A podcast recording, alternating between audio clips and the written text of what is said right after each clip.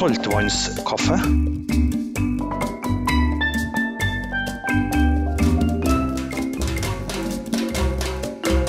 Tjallabais, folkens. Velkommen til Saltvannskaffe. Her eh, sitter eh, Eren Jektvik og Felix Baldaus og meg sjøl, Roar Halten. Klar for å øse av til sammen 130 år, fant jeg ut med opparbeida livsdingseri og tullprat. Det skal bli kjekt. Felix igjen med fra Kristiansand. Mens Irene Eren og jeg er i podkaststudio, og du er jo i Kristiansand eh, rett og slett for å få en helt spesiell type avslapning, er det ikke sånn da, Felix? Høres nesten litt meget ut. Men eh, ja, jeg er jo det. Eh, Jeg har fått meg kjæreste, og jeg er jo i Kristiansand for å pleie forholdet, få litt kjærlighet. Får ikke så mye av det på treningsleir med hele Øst-Europa når du kaster på svette menn, ikke sant. Så det er godt å, å få litt vanlig kjærlighet òg. Så um, Jeg jeg så for meg at jeg skulle eh, være med fra hele verden, men så er jeg alltid med fra Kristiansand. Så det var liksom ikke sånn det skulle være. Det skulle være sånn Felix eh, med fra Kroatia, Felix med fra Tyskland, Felix med fra Kina. Men ja, ja, ja. Jo, jo. Så det betyr med andre ord at du, ikke, du er gneten på kjærligheten når dere møtes på trening, da, Eren? Ja, i hvert fall den kjærligheten han har behov for i Kristiansand. Ja. Jeg synes det er interessant forresten at du kaller dette podkaststudio. Det er jo eh, Det, er Vi er på loftstua hjem til en, en, til en Roar her, eh, og det er jo mye teknisk utstyr, men det står også ei, ei dobbeltseng og ei, noen gamle Samantha Fox-plakater på veggene her fra 80-tallet. Verst av alt er at det er sant, ja. Ja, det, det, ja, ja, det er sant. Og henger med puppene eh, sine. klart er Det var før hun ble lesbisk. eh, Bildet sier mer enn tusen ord. Men eh, vi er altså i podkaststudio til Roar Halten i Kristiansund. Ja. Ja. Det, vi, det er lekkert. Allerede har jeg fått uh, forespørsler om folk som vil ha ekskursjon hit og se på oss uh, lage podkasten for å se hvordan vi gjør det. Ja. Ja, Så det er en tommel opp, uh, i hvert fall. Ja, da burde de kanskje vært den første ti av nå, når vi ikke klarer å koble oss opp. Og jeg får kjeft for jeg snakker feil i mikrofonene, og Felix bruker korpset to-tre ganger, og Roar er forvirra her. Eller sint. Men ja. Kom tidlig, i hvert fall. I dag så skal vi tørre å åpne opp litt. Vi begynner litt sånn halvaggressivt, eh, hører vi, men eh, vi skal få det litt eh, nedpå. Først så tenkte jeg skulle knalle til med litt fakta, folkens. Rett på sak her. Menn de har flere helseproblem enn kvinner. Det er et faktum. Ifølge FHI sine tall fra 2022 så er to av tre som tar sitt eget liv, det er menn. Og ofte så er også de mannfolkene unge menn. Vi er ofte tøffe i trynet, mens krigen raser innvendig. Og dette er jo noe du ofte møter i din jobbhverdag, eh, Eren. Ja, det er nok det, altså. Jeg har jo en jobbhverdag der jeg jobber med mennesker som sliter med forskjellige ting her. Det kan være alt fra angst til mer sikkerhetsproblemer enn det, selvfølgelig. Men det som slår meg først, er hvis du sier altså du, du starter med å si at menn har problemer med helse. Og jeg tror flesteparten av mannfolkene tenker ja, vi har røkket litt korsbånd, ødelagt ryggen sin, eh, skulder så godt, eller eh, fått diabetes for å drukke for mye cola, eller sånne ting. Jeg tror ikke folk tenker engang mental helse når du bare bruker helse til menn. Hvordan går det med helsa di? Så sier de ja, jeg føler meg fin. Eh, ja, jeg gikk en tur i forrige uke, eller sånne ting. Så bare der må vi jo starte med å definere altså ordet helse, og så legge inn også mental helse foran der. Så det er, det er noe utfordring. Eh, Det er Jeg kjenner på det sjøl òg. Det er alltid enklere å gi råd og hjelpe andre enn å hjelpe seg sjøl. Som mann så er det jo eh, flink kanskje til å hjelpe kompiser eller eh, andre folk i situasjoner, men eh, å spørre om hjelp, det er, det er ikke alltid like enkelt. Felix, eh, du har jo gått inn i Ta med menns psykiske helse med begge føttene, eh, hodet stups uti. Hvorfor eh, har du kjent på det ekstra ansvaret om at eh, det der er noe som du brenner for? Ja, det kan du si. Jeg har jo fått det der som en ordentlig hjertesak, da. Og det er jo fordi jeg har slitt sjøl. Det har jeg vært åpen om i annet hodeklemmer. Og så er det fordi jeg har mista noen jeg er glad i, til selvmord pga. mentale helseplager og rusutfordringer. Og det har gjort at jeg vil gjerne gjøre min del for å unngå det i samfunnet, og for å være motvekt til alt det vonde, da. Så prøver jeg å være et sånn forkjemper for, for åpenhet og for den mentale helsebiten. Eh, funnet en veldig retning der. Jeg visste jo aldri hva jeg hadde lyst til å gjøre, og det har liksom gitt meg retning. Og det gir meg veldig mye glede.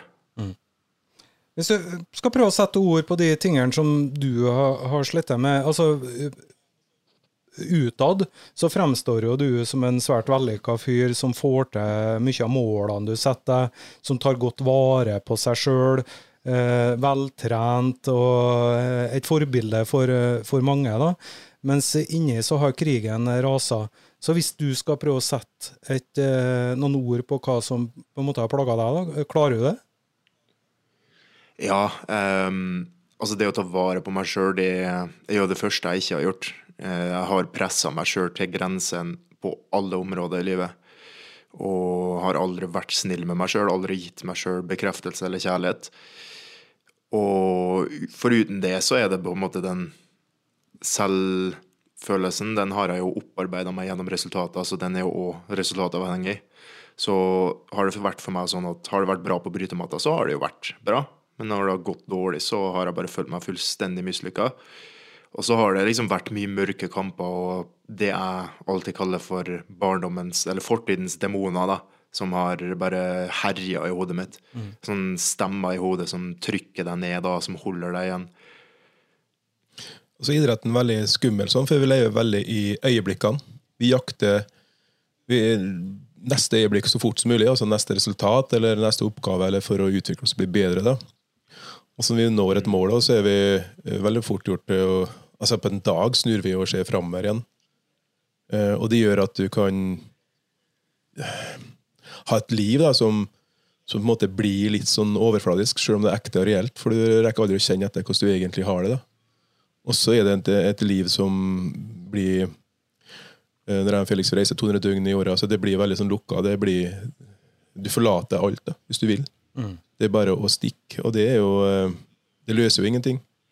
Å bare forsvinne og reise, og så vinner du en kamp eller har det bra helg, så tror du at livet er bra, og så kommer du hjem og så møter du da virkeligheten. For det er demonene, som Felix sier, de, eh, de er jo alltid. og jeg kjenner på sjøl når jeg har det vanskelig, så blir jeg faktisk, som jeg som er så utadvendt, blir veldig introvent. og holder, holder meg for meg sjøl og holder tankene mine for meg sjøl. Og, og, det er jo veldig skummelt, så blir ofte tankene større enn problemene. også. Og da får du ikke verken råd eller hjelp til hvordan du skal komme deg ut av det. Eller. Så um, det er et vanskelig, men viktig tema. og Det har heldigvis kommet mer på dagsordenen de siste årene. og Felix har vært en av dem i Norge da, som har uh, en av de toppidrettsutøverne i Norge som, som har stått frem så, over så lang tid. da gjennom den TV-serien. Så um, vi får være flinke å snakke om det, og så får vi være flinke å spørre to ganger om hvordan du har det. Ikke bare én gang. 'Hvordan har du det?' 'Det går bra.' Ja, 'Hvordan har har du det?' Så vi håper vi får et svar som vi, vi kan forholde oss til. Ja, for det er lett å slenge eh, det spørsmålet i forbifarta uten egentlig å være spesielt nysgjerrig på hvordan den andre ja. har det. Hvordan går det? Jo, det går fint. Ja, det går fint, det. Bare nevn det, jeg også. Sjøl så føler jeg Jeg har ikke hatt heldigvis noen noe psykiske problemer, men folk i min nære krets har hatt det. Og uh, ved et tilfelle så Med noen som er i kretsen min, så, så var det ganske alvorlig. Ja. Og den personen tok veldig tidlig i taket. Og det var ordentlig mørke tanker. Og så fort vi fikk greie på det, så fikk vi ordna at han kom seg inn i rask psykisk helsehjelp, som er et tilbud jeg tror de fleste kommuner skal ha tilbud om. Mm.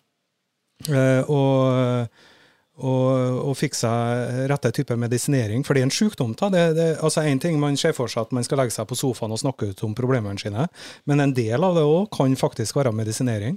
Og det ble det her, og det tok etchen av liksom de her verste følelsene, i tillegg til mer konvensjonell uh, psykologisk behandling. Da. Og det som skjer da med han, det er at han eh, kommer jo ut av dette her. sant?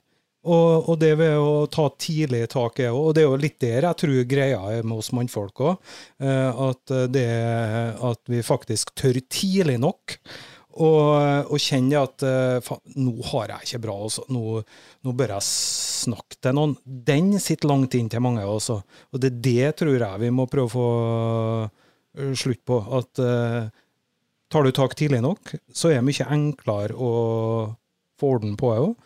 Uh, og venter du lenge nok, så kan det godt hende du graver deg et hull som det er desto vanskeligere å komme ut av. Mm, 100 Jeg må vel si det Egentlig det du sa der, det var spik traff spikeren på hodet der. Altså, jeg fikk nesten skikkelig tårer i øynene der. Det var en veldig fin forklaring på hvordan det kjennes til tider. Og jeg tror vi må bare være flinke til å støtte opp hverandre i de situasjonene. da. Nå har vi jo blitt en eh, jeg sier faktisk vi her nå, en sammensveisa gjeng med de landslagsutøverne. Den gruppa som Felix reiser mye med, Jeg har jo vært trener for dem siden de var 14-15 år. Også, og det er jo en fin eh, guttegjeng, en, en, et landslaget som er flink til å snakke om følelser mer enn før. Og når du snakker om å ta tak i ting tidlig, så burde jeg jo kanskje ta vært på dagsorden på barne- og ungdomsskolen, altså som et fag. Eh, helse. Eh, mental helse, eller forebyggende mental helse, eller eh, bli kjent med en klassekamerat, eller det skulle vært et fokusdel da, som eh, lærer oss å takle følelser og være flink å snakke om ting her. Nå går jo eh, samfunnet ekstremt framover, så det, det, er jo mer åpenhet enn eh, noen gang før. Vi får mer klem av fedrene hos nå enn fedrene fikk av sine fedre. Eh, men eh, vi har en vei å gå, og eh, jeg er veldig glad og stolt over den jobben Felix har gjort her, til å blitt et sånn forbilde innenfor for menns psykiske helse. Også det han, han betyr mye for mange. Og det han har gjort der, kommer til å bli viktigere enn det han har gjort på idrettsbanen. Det er jeg 100 sikker på. Hører jeg, Felix? Nå... Tusen takk. Ja, ja tusen takk. Ja, deilig. Nå kom jeg på noe litt flåsete her, som jeg har lyst til å dra inn her. Det, det, jeg vet ikke om det var sånn når du gikk på barneskolen, Felix, men da vi gikk på barneskolen Hvor gikk hen du? Nordlandet? Nordlandet, ja. ja jeg var på Allandengen. Ja. Så hadde vi jo en sånn lege som kom og kjente på nøttene våre. Gjorde de det til dere? Nei, jeg tror det var bare i friminuttet. Sikkert ikke var vaktmester. Nei da, de gjorde det, og så fant de ut Så kom vi ut, og så var jeg sånn Robin har en ball som ikke har falt ned. og da kan være kanskje litt flåsete inngang til at kanskje man også bør vie litt tid, ikke bare til nøttene mellom føttene på guttene, men også den vi har oppå skuldrene. Den nøtta. Men, men, men, åpenhet er det, vi ville ha her nå. Men jeg husker jeg møtte Roar her for det begynner å bli en stund siden nå. Vi møttes tilfeldigvis i byen, og vi har alltid, vært på hils. Og Da spurte jeg hvordan det går det, og da fikk jeg jo historien din om din operasjon og sånne ting. her. Ja. Og det kreves jo da midt i, midt i sentrum å stå der i sju-tolv minutter og prate. Og dere er ærlige om at du er operert, og jeg gikk med en pose smågodt, husker jeg. Og du var på, skulle ta mer vare på helsa og kroppen din. så Eh, bruk ti minutter ekstra. Eh, hvis du tør å spørre hvordan det går det til folk, så må du belage deg på å kanskje stå ti minutter. Ikke ja. bare ti sekunder. Ja, men det er jeg helt enig med deg Og eh, det er jo noen sånn skjellsettende opplevelser man har i livet sitt, både positive, men ikke minst negative, som man ganske enkelt er nødt til å bearbeide og prosessere innimellom. Uh, for den som er nysgjerrig på den operasjonen nå, så skal vi nå komme inn på det senere, tenker jeg. Men uh, la oss si det sånn. Jeg har fått noe maskineri i kroppen som sørger for at, uh, at jeg står her i dag. Så får vi høre de historien senere, og så får vi høre om den kobler på nøttene, eller om den er kobla på en andre plass av det maskinier Men syns vi det er ubehagelig å snakke om, gutta? Når vi holder på noen minutter nå. Jeg blir jo sånn åh, nå må vi gå videre og snakke om noe mer lystig og, og enkelt og ledig. men den ubehagen må vel gå an å kjennes og stå i litt i? Ja, ja, men er ikke det litt av greia òg? At vi syns det er pyton å prate om sånne ting, og derfor må vi prøve å heve oss over det? Jeg ønsker å skyte inn der, altså. Det, det er ubehagelig. Men um, jeg, har, jeg, har, tatt tak. Det kommer vi sikkert inn på her nå, regner jeg med. Eh, jeg har tatt tak og, og tillater meg sjøl å kjenne litt mer på det å snakke om vonde ting. Frem, I stedet for at jeg før eller som i foredrag, og bare spiller det av på autopilot uten å kjenne på det, så har jeg nå begynt å virkelig kjenne på ting når jeg snakker om mentale, mentale utfordringer. Og det er derfor jeg fikk, litt, eh, fikk en liten tåre i øyekroken når du prata om det i stad òg. Det, det hadde jeg ikke gjort før. Og jeg syns ikke det er ubehagelig. Jeg syns faktisk det er veldig fint, altså. Mm. Hvilke grep er konkret at du har brukt, da, Felix, for å komme deg i mål og, og bli den du er i dag? Nei, det er jo Det er jo først og fremst åpenheten. Um, så har jeg lenge nå trodd at jeg har kontroll over alt, siden jeg kan prate så åpent om det uten at det knekker meg. Men jeg har nå siste kanskje siste månedene akseptert at jeg er på en måte ikke helt i vater med fortidens demoner. da. Så jeg har jo faktisk tatt steget og begynt å jobbe med en psykolog nå. Og eh, det var et veldig stort steg for meg. Eh, veldig sårt. Eh, men jeg har veldig tro på den prosessen, da. Det har jeg. Og jeg tror det blir en spennende reise og kan forbedre meg både som idrettsutøver, men mest av alt som menneske, da. Til å bli flinkere til å faktisk ta vare på meg sjøl. Og ikke straffe meg sjøl hver dag. Sjøl bare det der òg, vet du. sant? Eh, Hvis vi eh, gjør, eh, har en sykdom, da, så sier jeg nei, fort til legen. Og det er jo ikke noe stigma rundt i hele tatt, men uh, bare det å si at nå har, forret, uh, nå har jeg begynt å gå til psykolog, det er sant. Det er litt sånn Jeg googla psykolog Kristiansund for et par uker tilbake og fikk en sånn sexy navn opp. Uh, og så tenker jeg at her kjenner jeg jo, eller halvparten der vet jeg jo hvem jeg er, på en måte, og kanskje andre halvparten vet hvem jeg er. så og hvordan skal jeg få tak i dem? Skal bare ringe dem og si hei, jeg trenger en samtale, eller er det da helsevesenet som sender meg inn der? Er det, er det skal jeg sende Noen hadde venner til meg på Facebook, skal si melding til dem på Facebook. Hei, har du, har du fem minutter? Det var sånn, en litt sånn vanskelig måte å finne en inngang på. Ja, ok, hvordan, hvordan kommer jeg i dialog helt tatt med en psykolog, da? Hvordan skal jeg gå på venterom og sitte der, og hva koster det? Og, ja, nei, det er en eh, Det er en eh, Det er en vanskelig vei å gå, men det er en viktig vei å gå. Eh, Så vi får bare håpe at alt blir enklere etter hvert. Jeg tror ikke det blir det, altså. Jo, jeg håper det. Jeg hører at du sier at du ikke tror det, men jeg håper det. Og, og jeg tror bare at vi sitter og prater om det, faktisk uh, bryter ned bitte, bitte lite grann. Og, og at man etter hvert eh, som dette her blir mer normalisert, da, så, så vil det bli stadig bitte, bitte lite grann lettere å ta tak i. Jeg, jeg innbiller meg at i USA, for eksempel, så, så er det eh, litt mer sånn eh, at de går til psykolog litt oftere for å nå sine businessmål, eller eh, for å snakke om det. At det er blitt en mer sånn eh, ja, en mer vanligere ting, men kanskje på andre grunnlag enn vi i Europa, i hvert fall i Norge, trenger. da. Jeg er helt enig med Roar der. Altså, jeg tror òg det blir enklere. Eller jeg vet det blir enklere. Det er jo det. Mm. alle kamper er jo vanskelig og tunge å ta alene.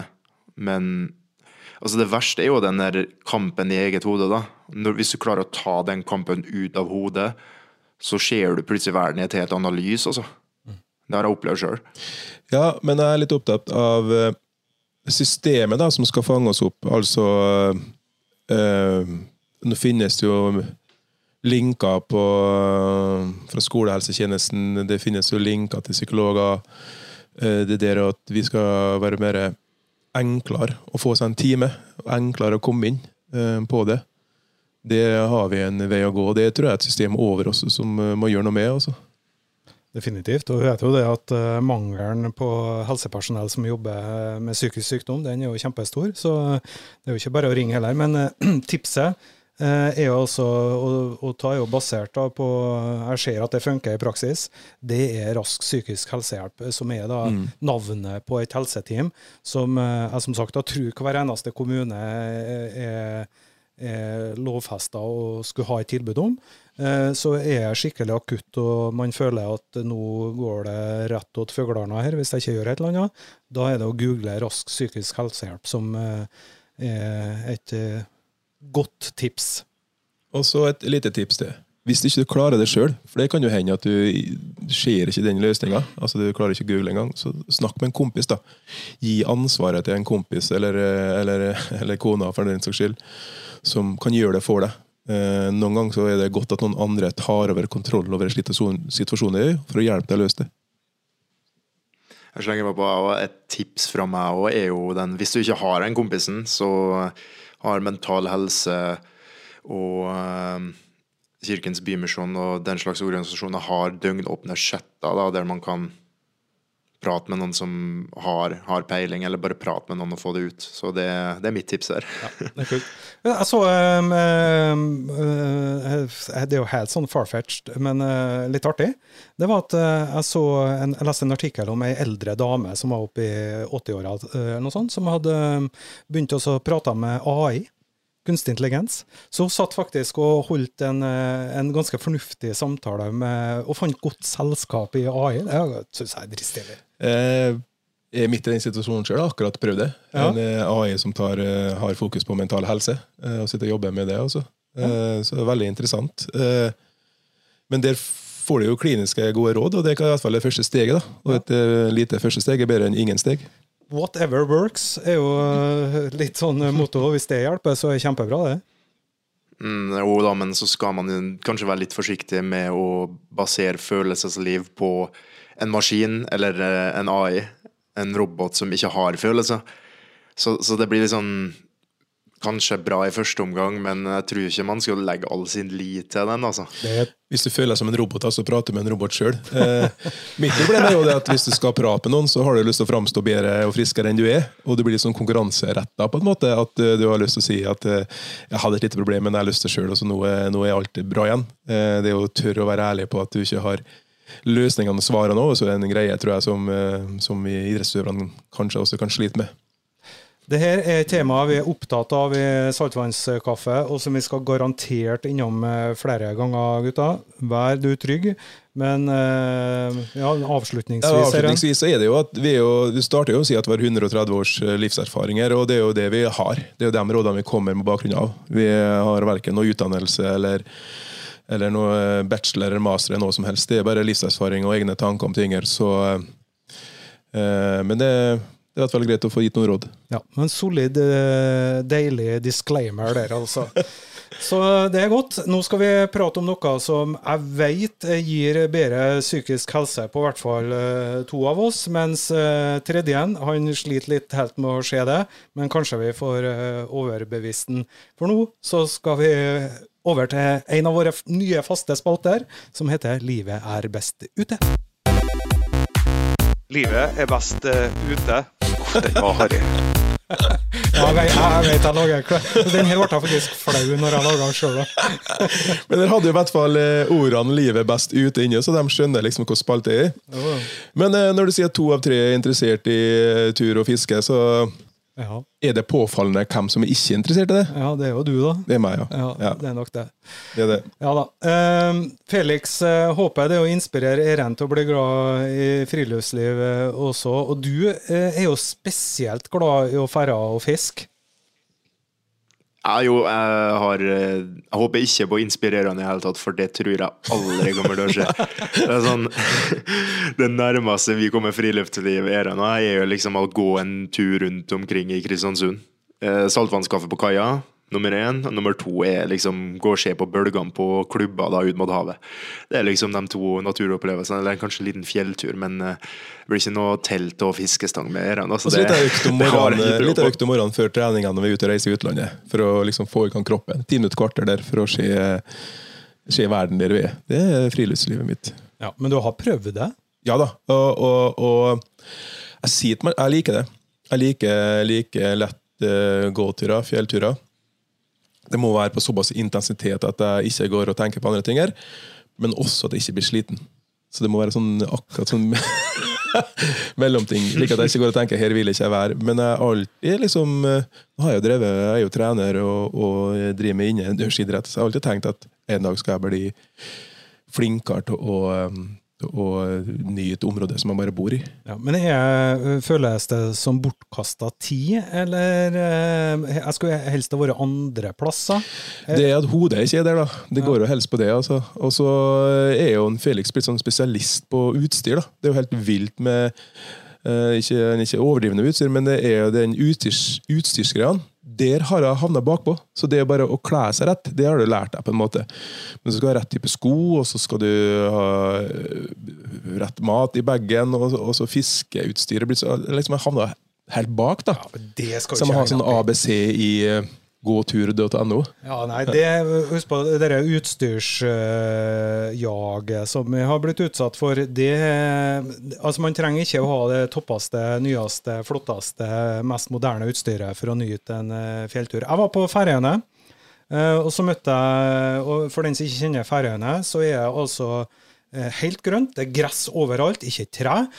Og så er de siste meterne av Færøyene er da 100-120 meter rette stup. Siste meterne av landet? Ja, før det går inn i havet. okay, ja. Ja, så det er sånn som du ser i britiske klippene og sånne ting, sant? Og øh, hun øh, Så møtte jeg ei eldre dame her som rista på hodet av oss. Så lurte jeg på hva det var for noe. Og så sier hun, For de snakker jo mer norsk enn dansk på ferjene, så sier hun det at dere turister de kan ikke å kle dere, sier hun. Ja, hva er det nå? Nei, hva tror du skjer da, sier hun, hvis at øh, du tryner utafor her med Gore-Tex-klærne dine? Jo, du kommer til å skli, og så bare fer du utafor stupet. Og sånn, det er sånn overalt ja, i ferjene. Bratte stup. Eh, og de bruker vadmel og ull. Og bare det. Og det er jo fordi at de har funnet ut at det funker best. Ikke bare pga. vær og vind og sånn, men også fordi at du stopper når du sklir. Du fyker ikke bare utover. Og det er et sabla godt poeng, egentlig. Det ser ikke bra ut på bildet, da, vet du. Eh, kan gjøre det. Ja, og så tror jeg jo at eh, om du detter ned en klippe på 100 meter, så spiller det kanskje ingen rolle hva du har på deg. Ja, Hvis du stopper ti meter før det stupet kommer, så er det greit. Da tenker jeg jeg er glad jeg har med meg vadmel i dag. jeg. er Ull og greier. Ja. Felix har kjøpt seg fluefiskestang. Har gjort det? Har du begynt å øve da? hvordan går det, Felix? Ja, og så jeg, jeg drev og scrolla gjennom kamerarullen min på telefonen her nå i, for noen dager siden. Skulle rydde opp litt. Så hadde jeg en video på en halvtime da, der jeg filma meg sjøl stående i vannet på Frei der. Kaste fluestang uten fluebå bare for å trene. Så har jeg jo stått i bar overkropp på kunstgressbane nedfor Olympiatoppen, liksom, mens hele verdenseliten i friidrett har løpt rundt der. Så har jeg stått der med en høyttaler i bar overkropp og kasta fluestang på, på gresset. Så har har sett ut som en idiot, men verdt det balsam for sjela, og jeg ser frem til vår og sommer nå til å, til å begynne å piske vannet litt, som jeg sier. Det er fordi at dette her er i en sånn skarp kontrast til intensiteten på brytematta og all reisinga di og flyplasser og hotellrom er litt derfor, eller? 100% Det er, altså det er fristedet mitt. Det er, det er det beste. Jeg hadde seriøst ikke klart å dreve med det her hvis jeg ikke hadde fått den der timeouten der. Og det, den fiskinga der, den er faktisk Den er viktigere enn meg enn bryting. Og den er liksom Den er viktigere enn meg er viktigere for meg enn mange, mange ting i livet. Det tror jeg ikke er så mange som ville ha trodd, at det er viktigere enn eh, bryting. Nei, det tror jeg ikke, men uh, faktisk Og de fått valget enn å aldri bryte igjen og aldri fiske igjen, så hadde det lett blitt aldri bryte igjen. Og hadde det vært mulighet å kvalle til OL i fisking, så hadde jeg satsa på det. 100%. Hvorfor er ikke det en OL-gren? Fluefisking? Vet du hvem som har vært eh, med en gang på toppidrettssenteret og stått der og prøvd å få napp? Ja, Det er sikkert noen konkurranser i fluefisking òg, tenker jeg. Eh, jeg ser dem som holder på med det, blir veldig opptatt av det på en positiv måte. Eh, noen blir vel kanskje litt mer enn eh, litt besatt òg. Men eh, og det er jo en fin greie. bare Vi, har, vi bor jo også i verdens vakreste land, og kanskje i verdens vakreste by. Så det å gå ut døra her i Kristiansund og på Nordmøre for å finne gode plasser for kortreiste opplevelser, det er vel eh, noe som mange unner oss. Og du, Roar, du har vel jobba med å være profesjonell friluftsdude? Vet ikke hva jeg skal kalle det engang. Du har jo gått med hendene i vadmelsbuksa i et par år og hadde det som jobb. Ja, jeg har vært eh, aktiv med friluftsliv hele livet. Det er ikke så lenge siden jeg var daglig leder i Kristiansund og Nordmøre turistforening. Eh, Og Hvis jeg skal komme med et tips, eh, så er det mm, faktisk ei hytte som jeg og min fru har ansvaret for. Vi er såkalte hyttetilsyn. Og da snakker jeg om ei hytte som ligger på toppen av et fjell. Helt spektakulært, med et lite vann foran. Der òg skal det visstnok være noe fisk oppi, Felix, men de er så sjeldne at du får ikke lov til å og prøve deg en gang. Litt, bitte lite vann som er også drikkevannet til hytta. Da. Og da snakker jeg om Harbakhytta. Eh, har du prøvd å sove over i ei turistforeningshytte, Irene? Nei, det har jeg ikke gjort. Hva er det som ikke appellerer? Nei, det har bare vært Jeg, jeg innbiller meg at det er, er tidsbruk, altså. At jeg ikke hadde tid. Ja. Men det er altså så fint. For det første så er jeg jo det er jo bare eh, solcellepanel som gir belysning, eh, batteri til belysning. Da. Eh, så det er helt mørkt. Det er veldig lite lysforurensning. Det å ta seg en tur ut, bare å se på solnedgangen. Det er ikke noe TV, ikke noe radio. Helt stille. Ei hytte som er frakobla verden. Nydelig. Og hvis du er heldig, så kan det godt hende du møter noen kjekke folk oppe her òg. Og hvis du er enda heldigere, så får du lov til å være helt mutters alene. Det er dritdigg, ass. Hvor var han, sa du? Eh, inne i Valsøybotn. Eh, går opp på fjellet der, derifra. Harbakhytta, som ligger i Heim kommune. Er det sånn at alle sammen vet hva Valsøybotn er nå? Ja, Heim kommune. Eh, Ferskeste tilskuddet til Trøndelag kommune, eh, fylke, heter det. Ja. Eh, så eh, da har folk tipset. Det er bare å google Harbakhytta hvis noen eh, føler seg frista. Har du ligget på turistforeningshytta du òg, Felix? Ja, ja, ja. Jeg har et par netter der. Um, har vært både i um, Hva heter det? I um, Ja, det er nå oppe i Trøndelag. På røyefiske har vært. Ja. Um, Tydalen. Tydalen er det. Uh, helt nydelig. Um, og det, det ga mersmak. Uh, Innerdalen vært Norges fineste dal, vakreste dal, sier de. Det stemmer, bare at det regna i tre døgn, da, så var det litt bom. Men uh, altså, turisthyttekonseptet, er helt nydelig. Og uh, jeg sier nesten med litt skam her, men jeg er ikke medlem i turistforeninga, så jeg må jo Er det et norsk fenomen der? En turisthytte, At du har noen hytter rundt omkring i Norge som du kan bruke for en rimelig penge? Mm, eh, Ja og nei. Eh, Det er ikke et norsk fenomen. Eh, Sverige har det. eh, Kroatia har det, forresten, der Ja. dere har vært. Eh, Men eh, det her med at det er den totale friheten i forhold til betaling og sånne ting. eh, At man kommer på hytta og du forventer at du gjør opp der det er mat der som du kan kjøpe, og, og alt er tilgjengelig, eh, og at du kan gjøre opp på stedet, den er unik. Er dere flinke til å, å stikke av i to-tre timer bare? Altså på en eh, Felix, når han bodde hjemme til meg et, års tid Han kunne stikke av en tirsdag og onsdag og bare ta med seg bålpanne, og så er det hengekøye og så ut og fiske på Risikovatnet. Det er ikke så ofte jeg gjør det, nei, men det hender. Du gjør det da, Felix?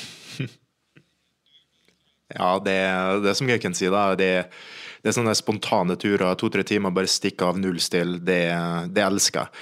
Problemet er at jeg blir for litt overtenning da, så jeg blir jo plutselig sittende til sola går ned, og så begynner jeg å fryse, og så er det mørkt, og så er det sånn faen, jeg skulle jo kanskje dratt hjem for fem timer siden, men Et par som det ganger at vi har gått i fryseren og så skulle ta ut noen rundstykker, så lå det en, en helfrosset fisk der som Felix har fiska et vann en plass. Bare som han har kommet hjem og tenkt han skulle lage seg, men bare lagt i fryseren midlertidig. Som ble liggende noen uker. Ja, det er luksus. Det kan jo ikke dyrt fiske, så det, du må bare benytte det deg er av det. ikke, ikke de fiskene der. Det er noen på under en kilo alle sammen, tror Ja, jeg. det går helt fint. det. er En hel fisk liggende i fryseren. Ja, Da har dere fått et par friluftstips eh, fra oss, eh, folkens. Det er fiske, fløfiske, eh, hvor godt det er til hodet å faktisk finne fred og ro. Og ha på Harbakhytta hvis du har lyst til å prøve ei turistforeningshytte. Gutter, eh, vi må ta noen ord om eh, sosiale medier òg. Vi har jo tenkt oss å prøve å få denne podkasten litt eh, ut på de sosiale medier eh, også. Ja, vi har jo det. Eh, og så er det jo Jeg bruker jo Facebook og Instagram som primært. Eh, Felix er vel på Twitter og X, du er vel på det meste av kanalene. Eh, Felix er den største sosiale profilen her. Eh, du er jo ganske begynner å bli bra med følgere på Instagram. Husker du vi følte at når du bikka 10 000 at nå var du kjempekjendis i Norge? Men det er ikke sånn det fungerer lenger. Nei, dessverre. Det var jo i Men det var liksom i bloggerne-perioden, da. Når jeg var med på det en sesong. Da eskalerte det litt, og da trodde jeg oi, 10 000 følgere, nå er jeg kjent, altså. Men eh, det var jo i ganske startfasen på Instagram-bruken, og da var det liksom Hvis noen hadde 10 000 følgere, så var det sånn oi. Mens nå er det jo det er galskap, og man kan jo bli kjent for hva som helst. Om det er å sjonglere med bananer eller eh, kjøre sånn enhjulssykkel, så, så er det liksom du, du må bare treffe, og det må bare gå viralt. Men jeg tenker jo Saltvannskaffe burde jo vi, vi bør ha en Instagram 100% eller det skal vi ha. Spørsmålet er jo hvem som administrerer den, om det er alle tre eller ikke. Eh, en har jo dysleksi her, den andre har jo 23 Instagram-kontoer. Eh, og, og Roar, du er jo har nok å styre med, så vi må Ja, jo vi se, skal en- se få skal få opp en eh, Instagram-konto på Saltvannskaffe. Jeg syns vi, vi, vi, vi må stoppe litt. Vi hoppa sånn elegant over en Felix at han var med på bloggerne. Å ja, ja, vi gjorde kanskje Vi gjorde faktisk det. Ja. Eh, Han Ja, var det faktisk i sesong eh, fem eller seks. Jeg var, en del, jeg var sammen med Sofie Elise der, og en del andre. Skjer, ser, eh, på likheten. bloggerne. Eh, filma oss sjøl, eller Han filma seg sjøl i et år eh, med et GoPro-kamera. eh, og Det ble jo bare med én sesong, da. Det skal sies. Eh, De var ikke så interessert i idrettsutøverne framover. Dessverre, dessverre. Men, men så er det greit, og det er liksom ikke face og bloggerne jeg vil bli huska for. Jeg var 20-21 år gammel og var en fullstendig annen person enn jeg er nå. Jeg blir liksom altså, Jeg må bare flire av meg sjøl hvor idiot jeg var. Altså, alle som ser på ting fra for ti år siden, nesten, kan vel kanskje kjenne seg igjen i det. da, At de har sånn Oi, hva er jeg drev på med? Men utfordringa her er jo at det ligger i på nett for alltid. Alle ser det. Og det var sånn Det er ikke den personen jeg vil bli huska for. Selv om det var, altså, det var jævla hyggelig å få en, eh, få en klem av eh, Sofie Elise der på premierefesten. Det, den, den var fin, den. Men um, det er kanskje ikke mi, mitt selskap å være i. Eh, rosa blogger. Folkens, det er bare å gå inn på Instagram og søke opp Saltvannskaffe, så finner vi oss der.